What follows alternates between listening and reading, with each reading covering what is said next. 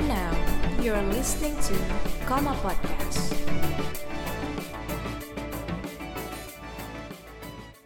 Halo semuanya, selamat datang di Cuan Talk edisi pertama Tak Kenal Maka Tak Cuan dengan tema besar investasi saham dan reksadana. Di kesempatan kali ini kita akan mengupas bersama apa itu sebenarnya saham dan reksadana. Di sini ada saya, Pak Isus ini Menteri Ekonomi Kreatif Komap Visipol UGM, dan saat ini saya sedang bersama Mas Muhammad Alfian, Education Staff dan Technical Analyst dari UGM Stock Club. Selamat siang Mas Alfian, Bagaimana kabarnya Mas? Oke, selamat siang.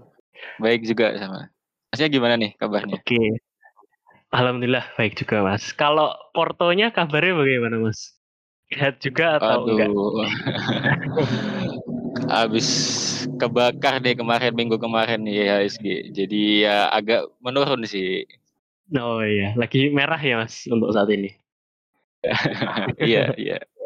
Oke oke, kan sesuai pepatah ya Mas, tak kenal maka tak sayang. Mungkin Mas Alvin boleh memperkenalkan dirinya dulu, seperti latar belakangnya dan kenapa sih mau terjun ke dunia saham dan reksadana, gitu Mas. Oke, oke, oke. Jadi kenalkan semua, nama aku Muhammad Alfian. Jadi aku diundang di sini sebagai staf edukasi dari UGM Stock Club, technical analis dan fundamental juga. Jadi perkenalan dari aku, mungkin semoga ini peran kita hari ini bisa menginspirasi pendengarnya dan juga menteriak pendengar lain supaya bisa mulai investasi gitu. Kalau untuk alasannya bagaimana Mas? Kenapa Mas Alvin itu tertarik dengan dunia saham sama reksadana gitu? Oke oke. Jadi kenapa aku tertarik masuk dunia investasi? Yang pertama ya pastinya tentunya kita pengen cari cuan atau profit. Karena ini juga karena kan nggak enak juga nih kayak kita punya dana tapi diem aja ya kenapa nggak kita investasiin aja karena kan bisa juga uang yang diem itu tadi bisa jadi cuan bisa jadi profit gitu untuk kita sekaligus buat nambah uang jajan. Terus mungkin selain itu mungkin aku buat ini sih buat buat buat motivasi dari aku buat bisa mengelola keuangan dengan baik. Karena kan masa muda ya masa muda ini biasanya masih masa-masa yang foya-foya yang konsumtif sekali. Nah kenapa nggak nggak kita mulai mulai mengelola keuangan sejak gini gitu mungkin mungkin kayak gitu sih dari aku kenapa kenapa aku mau invest sejak dini nggak masa-masa yang akan datang aja kenapa harus sekarang gitu mungkin kayak gitu sih kalau dari aku Oke, terima kasih Mas Alfian atas uh, ceritanya yang sangat menggugah pembicaraan kita kali ini. Nah, untuk selanjutnya kan di masa pandemi sekarang tuh tren saham dan reksadana kan mulai melonjak tinggi ya mas. Di mana-mana orang ngobrolin iya tentang saham, di mana-mana orang pamer portonya lagi hijau semua gitu. Bahkan juga muncul istilah-istilah di internet itu namanya investor angkatan corona gitu. Nah tentunya kan antusiasme ini sangat bagus, tapi dengan catatan diiringi dengan ilmu. Nah sayangnya ini juga nggak sedikit juga investor-investor baru yang cuma FOMO dan ikut-ikutan aja. Biar kita nggak tersesat, makanya kita perlu pencerahan nih dari Mas Alfian. Menurut Mas Alfian, kenapa sih mahasiswa itu harus melek investasi? kenapa mahasiswa harus melek investasi sejak dini ya berarti ya Iya, betul. Oke oke. Jadi yang pertama mungkin seperti motivasiku juga sih. Jadi uang kita kan kita pastinya punya uang yang nganggur nih. Nah uang yang nganggur ini kan tentunya ke depannya mungkin satu tahun, dua tahun, ketiga tahun ke depan itu nilainya nggak mungkin sama lagi. Pasti dia akan berkurang dan berkurangnya itu oleh inflasi karena adanya inflasi. Mungkin contoh realnya aja nih kayak misal teman-teman beli ayam ayam goreng McDonald atau KFC yang dulunya mungkin tiga tahun empat tahun ke belakang itu cuma sepuluh ribu bisa dikatakan gitu tapi sekarang nilainya pasti kan udah naik nih mungkin bisa dua kali lipatnya menjadi 15 atau 20 ribu nah kalau semisal nih teman-teman punya dana idle dana yang masih nganggur tapi cuma ditabung cuma didiemin aja pasti kan ke depannya mungkin dua tahun tiga depan kan pasti kan nilainya nggak bertambah gitu. Jadi uang kita tuh tiap tahunnya tuh pasti akan tergerus. Nah, itulah sebabnya kenapa kalau tuh mending kita investasikan aja uang yang anggur tadi daripada uang kita bakal tergerus oleh adanya inflasi gitu. Oke, jadi alasan utamanya itu untuk menghindari inflasi gitu ya, Mas? Kenapa mahasiswa itu Iya, harus mulai mulai? Jadi biar nanti di masa yang mendatang itu mahasiswa udah nggak kaget gitu karena udah punya pegangan cadangan gitu ya, Mas? Iya, betul banget sih. Eh, ngomongin investasi, terus menurut Mas Alvin, kira-kira kapan sih kita harus mulai investasi? Apakah harus menunggu punya pendapatan tetap dulu atau bagaimana? Oke. Jadi ini sebenarnya juga banyak banget sih pertanyaan yang aku dengar. Kapan sih kita harus mulai invest? Gitu ya. Yang pertama pastinya investasi itu kalau bisa sebisa mungkin nih dilakukan sedini mungkin, secepat mungkin. Karena aku dengar banget ceri- banyak banyak dengar cerita dari banyak orang tuh ada menyesal ketika mereka sudah di umur 30, 30 ke atas gitu. Pada menyesal kenapa aku nggak kenal investasi dari dulu.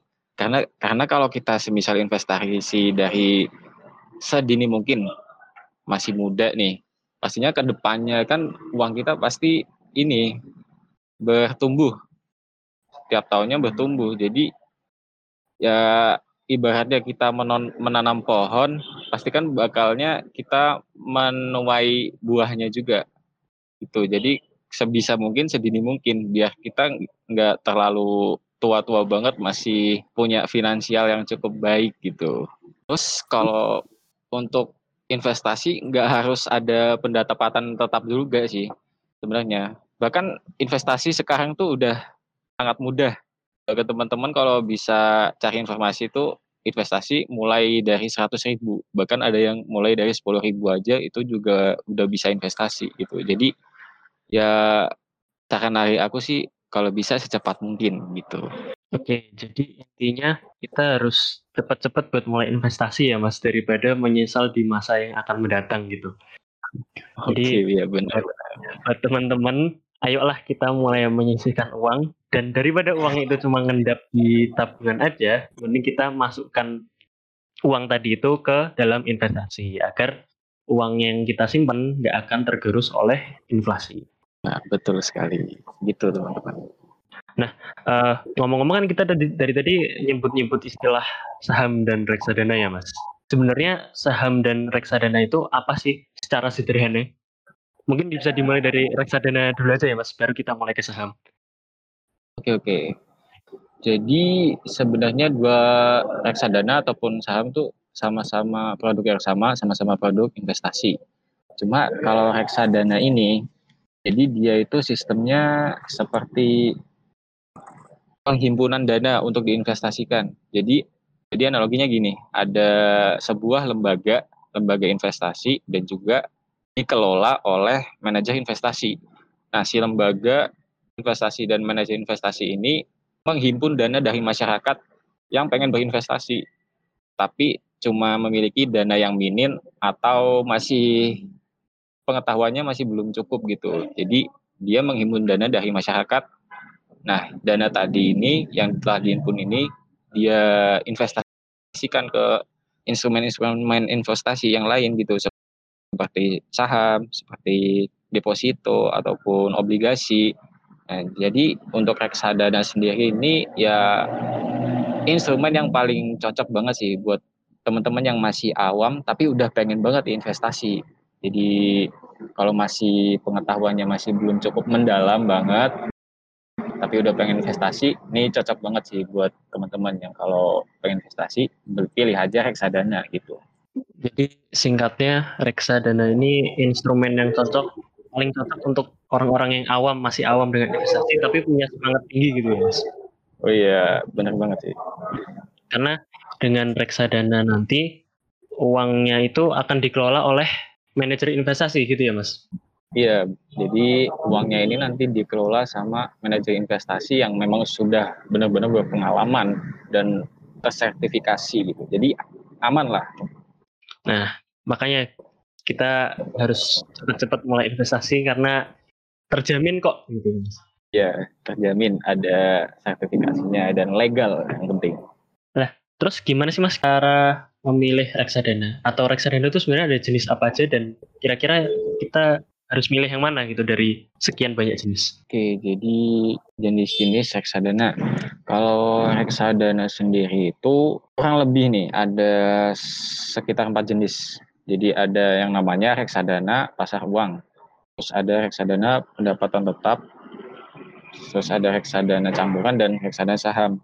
Nah, untuk teman-teman mungkin yang pengen investasi tapi masih takut takut banget kalau bakal rugi.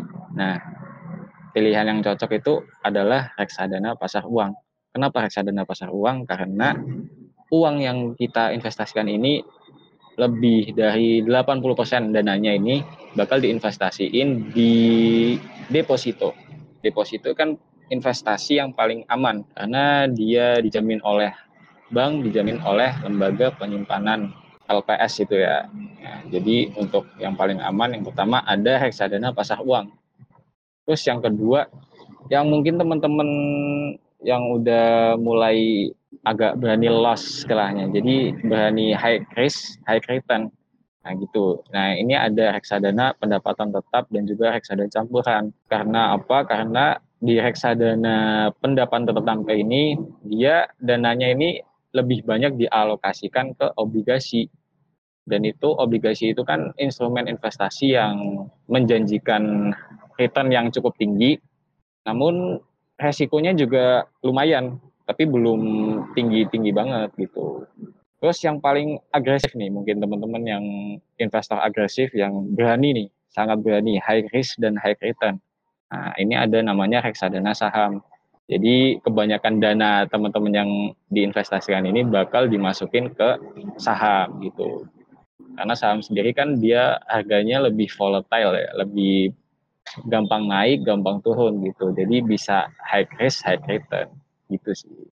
Oke, jadi dari sekian banyak jenis tadi, kalau kita urutin berdasarkan profil risikonya itu paling rendah ada di pasar uang, habis Betul. itu pendapatan tetap ya mas? Ya, pendapatan tetap dan juga reksadana campuran. Campuran, nah yang paling tinggi itu reksadana saham, betul ya mas? Iya, iya betul, Oke, reksadana saham. Jadi tinggal menyesuaikan aja kira-kira mentalnya udah siap yang mana nih. Nah kalau kira-kira mentalnya masih kurang, mungkin bisa mulai dari bawah dulu. Kalau dikaitkan dengan uh, manajer investasinya, bagaimana Mas? Kira-kira kita memilih reksadana yang seperti apa karakteristiknya?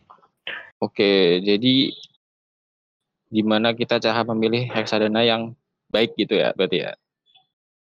Iya, betul, betul Mas. Oke.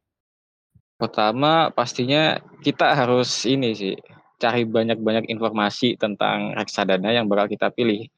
Kayak pertama kita udah milih menentuin yang mana nih, pengen reksadana pasar uang atau pendapatan tetap atau langsung saham. Nah, itu udah dipilih.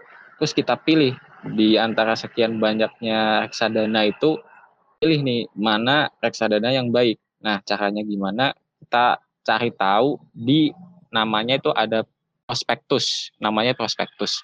Jadi di prospektus itu dia menceritakan seberapa banyak sih dana yang diolah dialokasikan ke instrumen apa atau dia di misal 70% di instrumen A, 70% 20% di instrumen B dan lainnya gitu.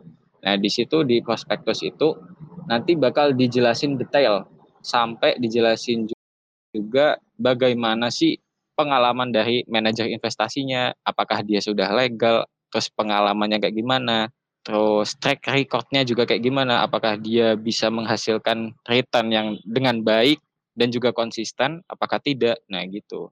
Jadi intinya tuh ya kita harus cari banyak-banyak informasi juga, soalnya di di website OJK ataupun di online app untuk investasi itu udah banyak banget informasinya dan udah lengkap sih. Jadi tinggal kita aja mau untuk mencari informasi atau apa tidak gitu. Jadi balik lagi sih pilihannya ke teman-teman nanti. Oke Mas Alfian, yep itu betul banget ya Mas. Selain kita butuh yeah. mental yang kuat, kita juga harus uh, pinter mencari informasi agar pilihan kita itu nggak salah gitu. Uh, terus kalau kita mau beli reksadana itu bisa lewat mana aja ya mas? Lewat aplikasi atau website apa gitu? Mungkin biar teman-teman bisa tahu semua. Oke oke. Jadi untuk investasi reksadana sekarang ini udah sangat gampang banget ya karena semua udah terdigitalisasi ya. Jadi teman-teman tinggal download app-nya. Jadi untuk aplikasinya itu teman-teman bisa cari aja di websitenya OJK. Di sana ada daftar-daftar lembaga yang menyediakan online app untuk investasi. Jadi teman-teman bisa cari aja di websitenya OJK. Mungkin kalau aku sebut, mungkin ada dua yang biasanya paling terkenal ya. Itu ada Bareksa sama Bibit. Nah, biasanya dua itu yang paling terkenal. Terus kalau untuk pendaftarannya sendiri gampang banget sih teman-teman. Jadi teman-teman tinggal ikutin persyaratannya di sana paling cuma beberapa identitas aja sih. Dan itu nggak lama, maksimal paling satu kali 24 jam satu hari aja sih itu. Jadi semuanya sudah mudah. Jadi pilihannya kembali ada di teman-teman mahasiswa atau pendengar ini nanti bagaimana menyikapinya gitu. Oke, sekarang kita mulai beranjak levelnya mengenai saham mas. Mungkin saham secara sederhana itu bagaimana penjelasannya?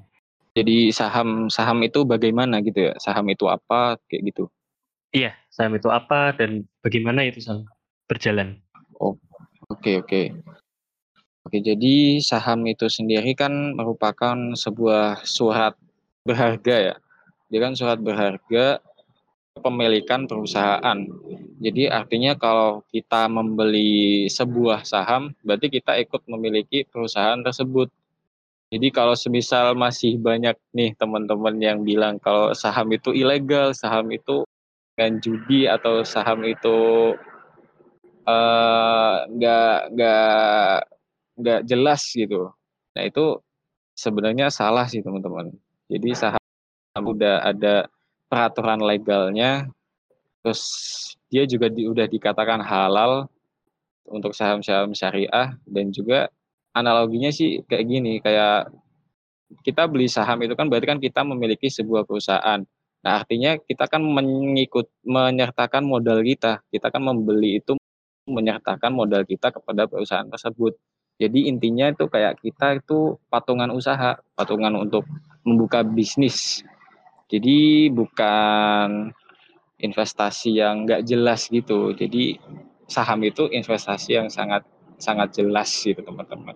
Karena kita memiliki sebuah perusahaan tersebut, kita memberikan modal kita kepada perusahaan tersebut untuk dikelola gitu. Mungkin kalau teman-teman yang masih miskonsepsinya gitu sih. Hmm, iya, berbahas karena emang karena antusiasme yang tinggi dan kabar yang simpang siur itu juga kadang buat kebingungan gitu di masyarakat. Sebenarnya saham itu uh, legal atau enggak? Singkatnya kita memiliki kepemilikan perusahaan sekian persen gitu. Kalau misalnya belinya iya, berapa lot, berarti kita punya kita cuma perusahaan dapat sekian persen, 0,0 gitu ya, sekian persen, tapi kita sudah bisa menikmati keuntungannya juga gitu. Iya, jadi bisa dibilang misalnya uh, aku beli saham ICBP gitu. Jadi aku punya yang yeah. Indomie gitu ya mas, sekian persen gitu. Iya, ya seperti itu semacam itu sih. Oke, nah kalau untuk jenis-jenis uh, saham ada apa aja mas? Oh, Oke, okay. jadi kalau di saham sendiri ya, jadi ada yang namanya IHSG, itu indeks harga saham gabungan. Jadi itu seperti pergerakan keseluruhan saham, pergerakan rata-rata pada keseluruhan saham gitu. Itu namanya IHSG. Terus kalau untuk sektornya sendiri di di Indonesia ini ada 9 sektor di IHSG kita gitu. Terus mungkin kalau yang paling penting ini sih biasanya kalau semisal teman-teman udah mau mulai investasi saham secara mandiri ya, udah mau beli sendiri nih investasi saham. Nah, biasanya tuh yang paling penting tuh ini. Teman-teman kalau yang masih pemula, yang masih masih investasi saham tapi baru-baru aja sih. Nah itu disarankan yang blue chip. Nah blue chip itu apa? Jadi blue chip itu perusahaan dengan market capital valuasi yang paling besar, yang besar lah. Nah itu biasanya tuh dia udah market leader di sektornya. Jadi perusahaan itu udah mature ya, udah aman gitulah.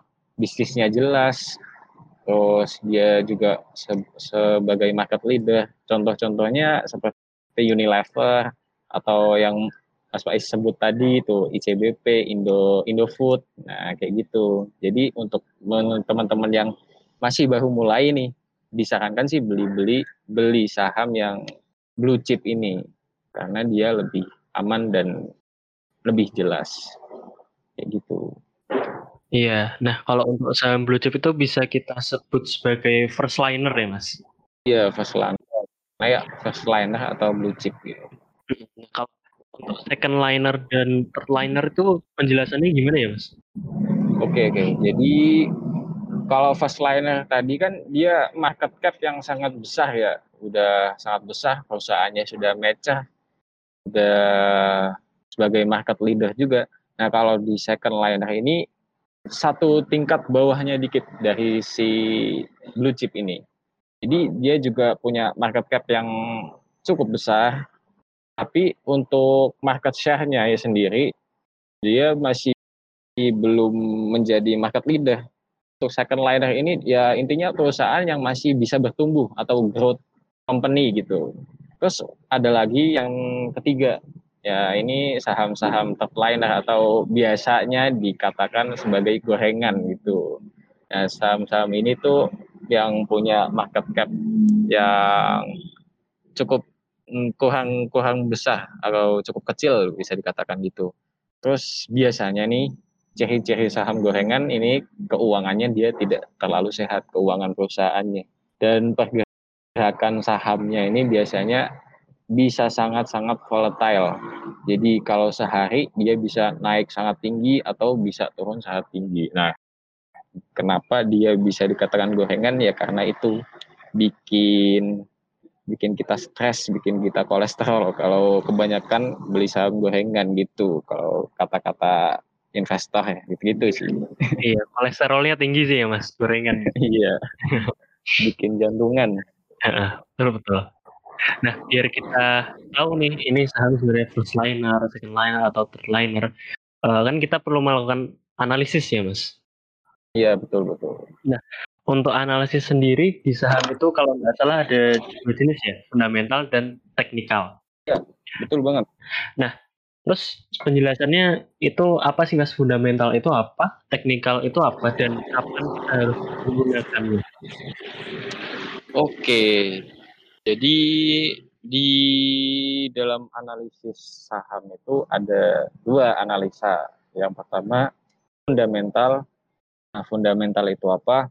Jadi kita kalau menggunakan analisa fundamental itu kita menilai atau menganalisis perusahaannya itu dengan melihat dan juga keuangan perusahaannya yang paling utama. Jadi kita menilai nih laporan keuangannya kayak gimana, terus model bisnisnya itu masih sustain apa enggak, dia masih bagus apa enggak. Nah, intinya kita melihat menilai perusahaannya itu dengan cara melihat bisnis perusahaannya atau bisa dibilang kita bisa tahulah dengan analisa fundamental itu apa saham atau saham apa atau perusahaan apa yang mau kita nah, kayak gitu. Terus yang kedua ada analisa teknikal namanya. Nah, kalau analisa teknikal ini kita tuh menilai perusahaan dengan melihat pergerakan harganya. Nah, kalau teman-teman biasa lihat cap-cap kayak gitu, ini apa? Nah, itu namanya analisa teknikal tuh biasanya. Nah, dia tuh menilai perusahaannya itu dengan melihat historical atau pergerakan harga sebelumnya untuk memproyeksikan harga harga saham ini ke depannya tuh kayak gimana gitu. Oke Mas, nah terus kapan sih kita harus pakai fundamental? Kapan kita harus pakai teknikal gitu? Oke, sebenarnya ini dua hal yang bisa di ini sih diseparasikan. Nggak nggak harus nggak harus strict banget kapan kita harus pakai fundamental atau kapan kita harus pakai teknikal. Sebenarnya ini balik lagi ke preferensi sih. Kita mau pakai analisa fundamental atau kita mau pakai analisa teknikal juga bisa. Jadi untuk batas waktu atau kapannya atau lebih baik yang mana itu nggak nggak ada yang lebih baik. Jadi semuanya masih bisa dibilang fair lah 50-50 gitu. Soalnya kan kita juga nggak nggak tahu nih ke depannya bakal kayak gimana. Kita nggak bisa memprediksi masa depan. Ya jadi mau pakai analisa fundamental ataupun pakai analisa teknikal itu balik lagi ke preferensi teman-teman semuanya belum tentu benar semua jadi untuk analisa ini itu semua itu benar. Soalnya kita kan nggak bisa memprediksi masa depan gitu ya. Jadi kayak gitu sih. Nggak ada batasnya loh. Hmm, Oke, okay. jadi uh, kita mau pakai teknikal atau fundamental intinya tergantung preferensi kita ya, Mas. Ya, preferensi dan keyakinan aja sih. Lebih yakin nih mau pakai fundamental atau yakin nih pakai teknikal kayak gitu sih. Ya teman-teman itu adalah technical analysis dan fundamental analysis kalau untuk fundamental kita bisa lihatnya itu pakai aplikasi RTI bisnisnya mas kalau nggak salah. Iya iya benar. Ada ya. banyak sumber informasi juga. Iya jadi kalau untuk singkatnya, singkat profil dari perusahaan dan bagaimana cash flow dari perusahaan tersebut itu bisa kita lihat di aplikasi RTI bisnis gitu ya mas. Sedangkan kalau yeah. kita bisa makainya di mana itu, Mas? Okay. Kita harus pakai grafik-grafik gitu atau apa aja yang dipakai sebenarnya? Oke, okay, jadi kalau fundamental kan tadi kita pakai laporan perusahaan ya, biasanya pakai laporan keuangan. Nah, kalau yang teknikal ini pakai grafik. Grafiknya tuh banyak juga di website-website. Atau kalau teman-teman yang udah mulai invest, pasti kan ada sekuritasnya tuh. Nah, biasanya di sekuritas dikasih dikasih aplikasinya buat menganalisis pakai grafiknya gitu. Ya, jadi kalau di fundamental pakai laporan keuangan, di analisa teknikal kita pakai historical pergerakan harga dengan grafik tadi. Nah, biasanya kalau pakai analisa teknikal tuh dibantu sama indikator-indikator lah, kayak gitu. Mas cara untuk menggunakan teknikal ya. Kita bisa melihat uh, berbagai macam aspek mengenai perusahaan dari analisis teknikal juga selain fundamental. Iya, kalau kalau kita pakai teknikal nih kita mengesampingkan fundamental sebenarnya. Jadi kedua hal ini tuh sangat bertolak belakang kalau bisa dibilang itu. Kalau kita pakai analisa teknikal ya sudah pasti kita cuma pakai historical pergerakan harganya aja gitu. Oke, Mas Alfian, terima kasih atas infonya. Mungkin kita lanjut ya, Mas. Uh, nah, di dunia saham kita sering dengar nih istilah bandar dan retail. Nah, sebenarnya bandar dan retail itu apa sih? Mereka entitas yang berbeda atau bagaimana? Oke, oke. Ini juga banyak banget pertanyaan nih tentang retail dan bandar ya. Jadi untuk bandar dan retail itu sebenarnya sama-sama investor Cuma bedanya itu di banyak dananya, jumlah dana yang dimiliki. Biasanya kalau bandar ini kan dia seorang market maker. Kenapa dia market maker? Karena dia punya dana yang besar. Itu. Jadi kalau sekali masuk dia bisa menciptakan sebuah demand yang tinggi atau menciptakan sebuah supply yang tinggi. Nah, karena itu dia bisa menggerakkan harga saham biasanya. Nah, itu kenapa dia sebut sebagai market maker itu, si bandar itu. Nah, kalau retail itu ya investor perorangan biasanya dengan dana yang lebih sedikit. Jadi dia nggak bisa menggerakkan harga karena dia cuma bisa menciptakan demand atau supply yang kurang besar sih atau cukup kecil lah bisa dibilang kayak gitu. Oke, jadi kita-kita ini termasuknya sebagai retail ya, Mas? Iya, iya, iya, ya, benar banget. Kita ini sebagai investor retail. Hmm, oke. Oke, sepertinya kita sudah di penghujung acara, Mas. Sayang okay, sekali okay. durasi yang kita punya hanya singkat aja. mungkin Mas Alfian mau memberi closing statement sebelum ditutup edisi pertama ini. Oke oke. Mungkin akhir dari aku sih buat teman-teman di mana pun, buat mahasiswa-mahasiswa terutama nih yang biasanya sudah mulai terbuka, sudah mulai melek investasi.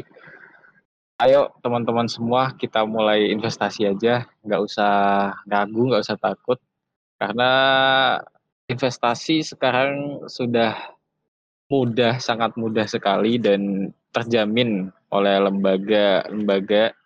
Ya, jadi kalau bisa teman-teman mulai investasi sejak dini aja.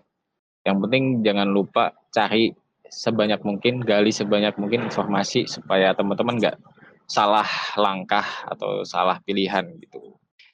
Oke, Mas Alfian, mantap, keren banget. Dan ini baru permukaannya aja ya, Mas. Iya kan? Ini baru permukaan aja ya, Mas. Iya, masih sangat dasar, eh, belum Iya, masih sangat dasar. sangat. Terima kasih banyak Mas Alfian sudah mau diajak berbincang-bincang mengenai saham dan reksadana di Cuan Talk edisi pertama ini. Semoga kita bisa ketemu lagi di edisi-edisi selanjutnya ya Mas. Ya, terima kasih juga sudah mengundang. Terima kasih Mas Faiz. Siap, Dan Sama-sama Mas Alfian. Iya, saya juga berterima kasih ke UGM Stock Club yang sudah merekomendasikan Mas Alfian sebagai pembicara di Cuan Talk. Oke, sekian teman-teman pembicara kita seputar saham dan reksadana. Semoga kita semua cuan selalu dan salam cuan.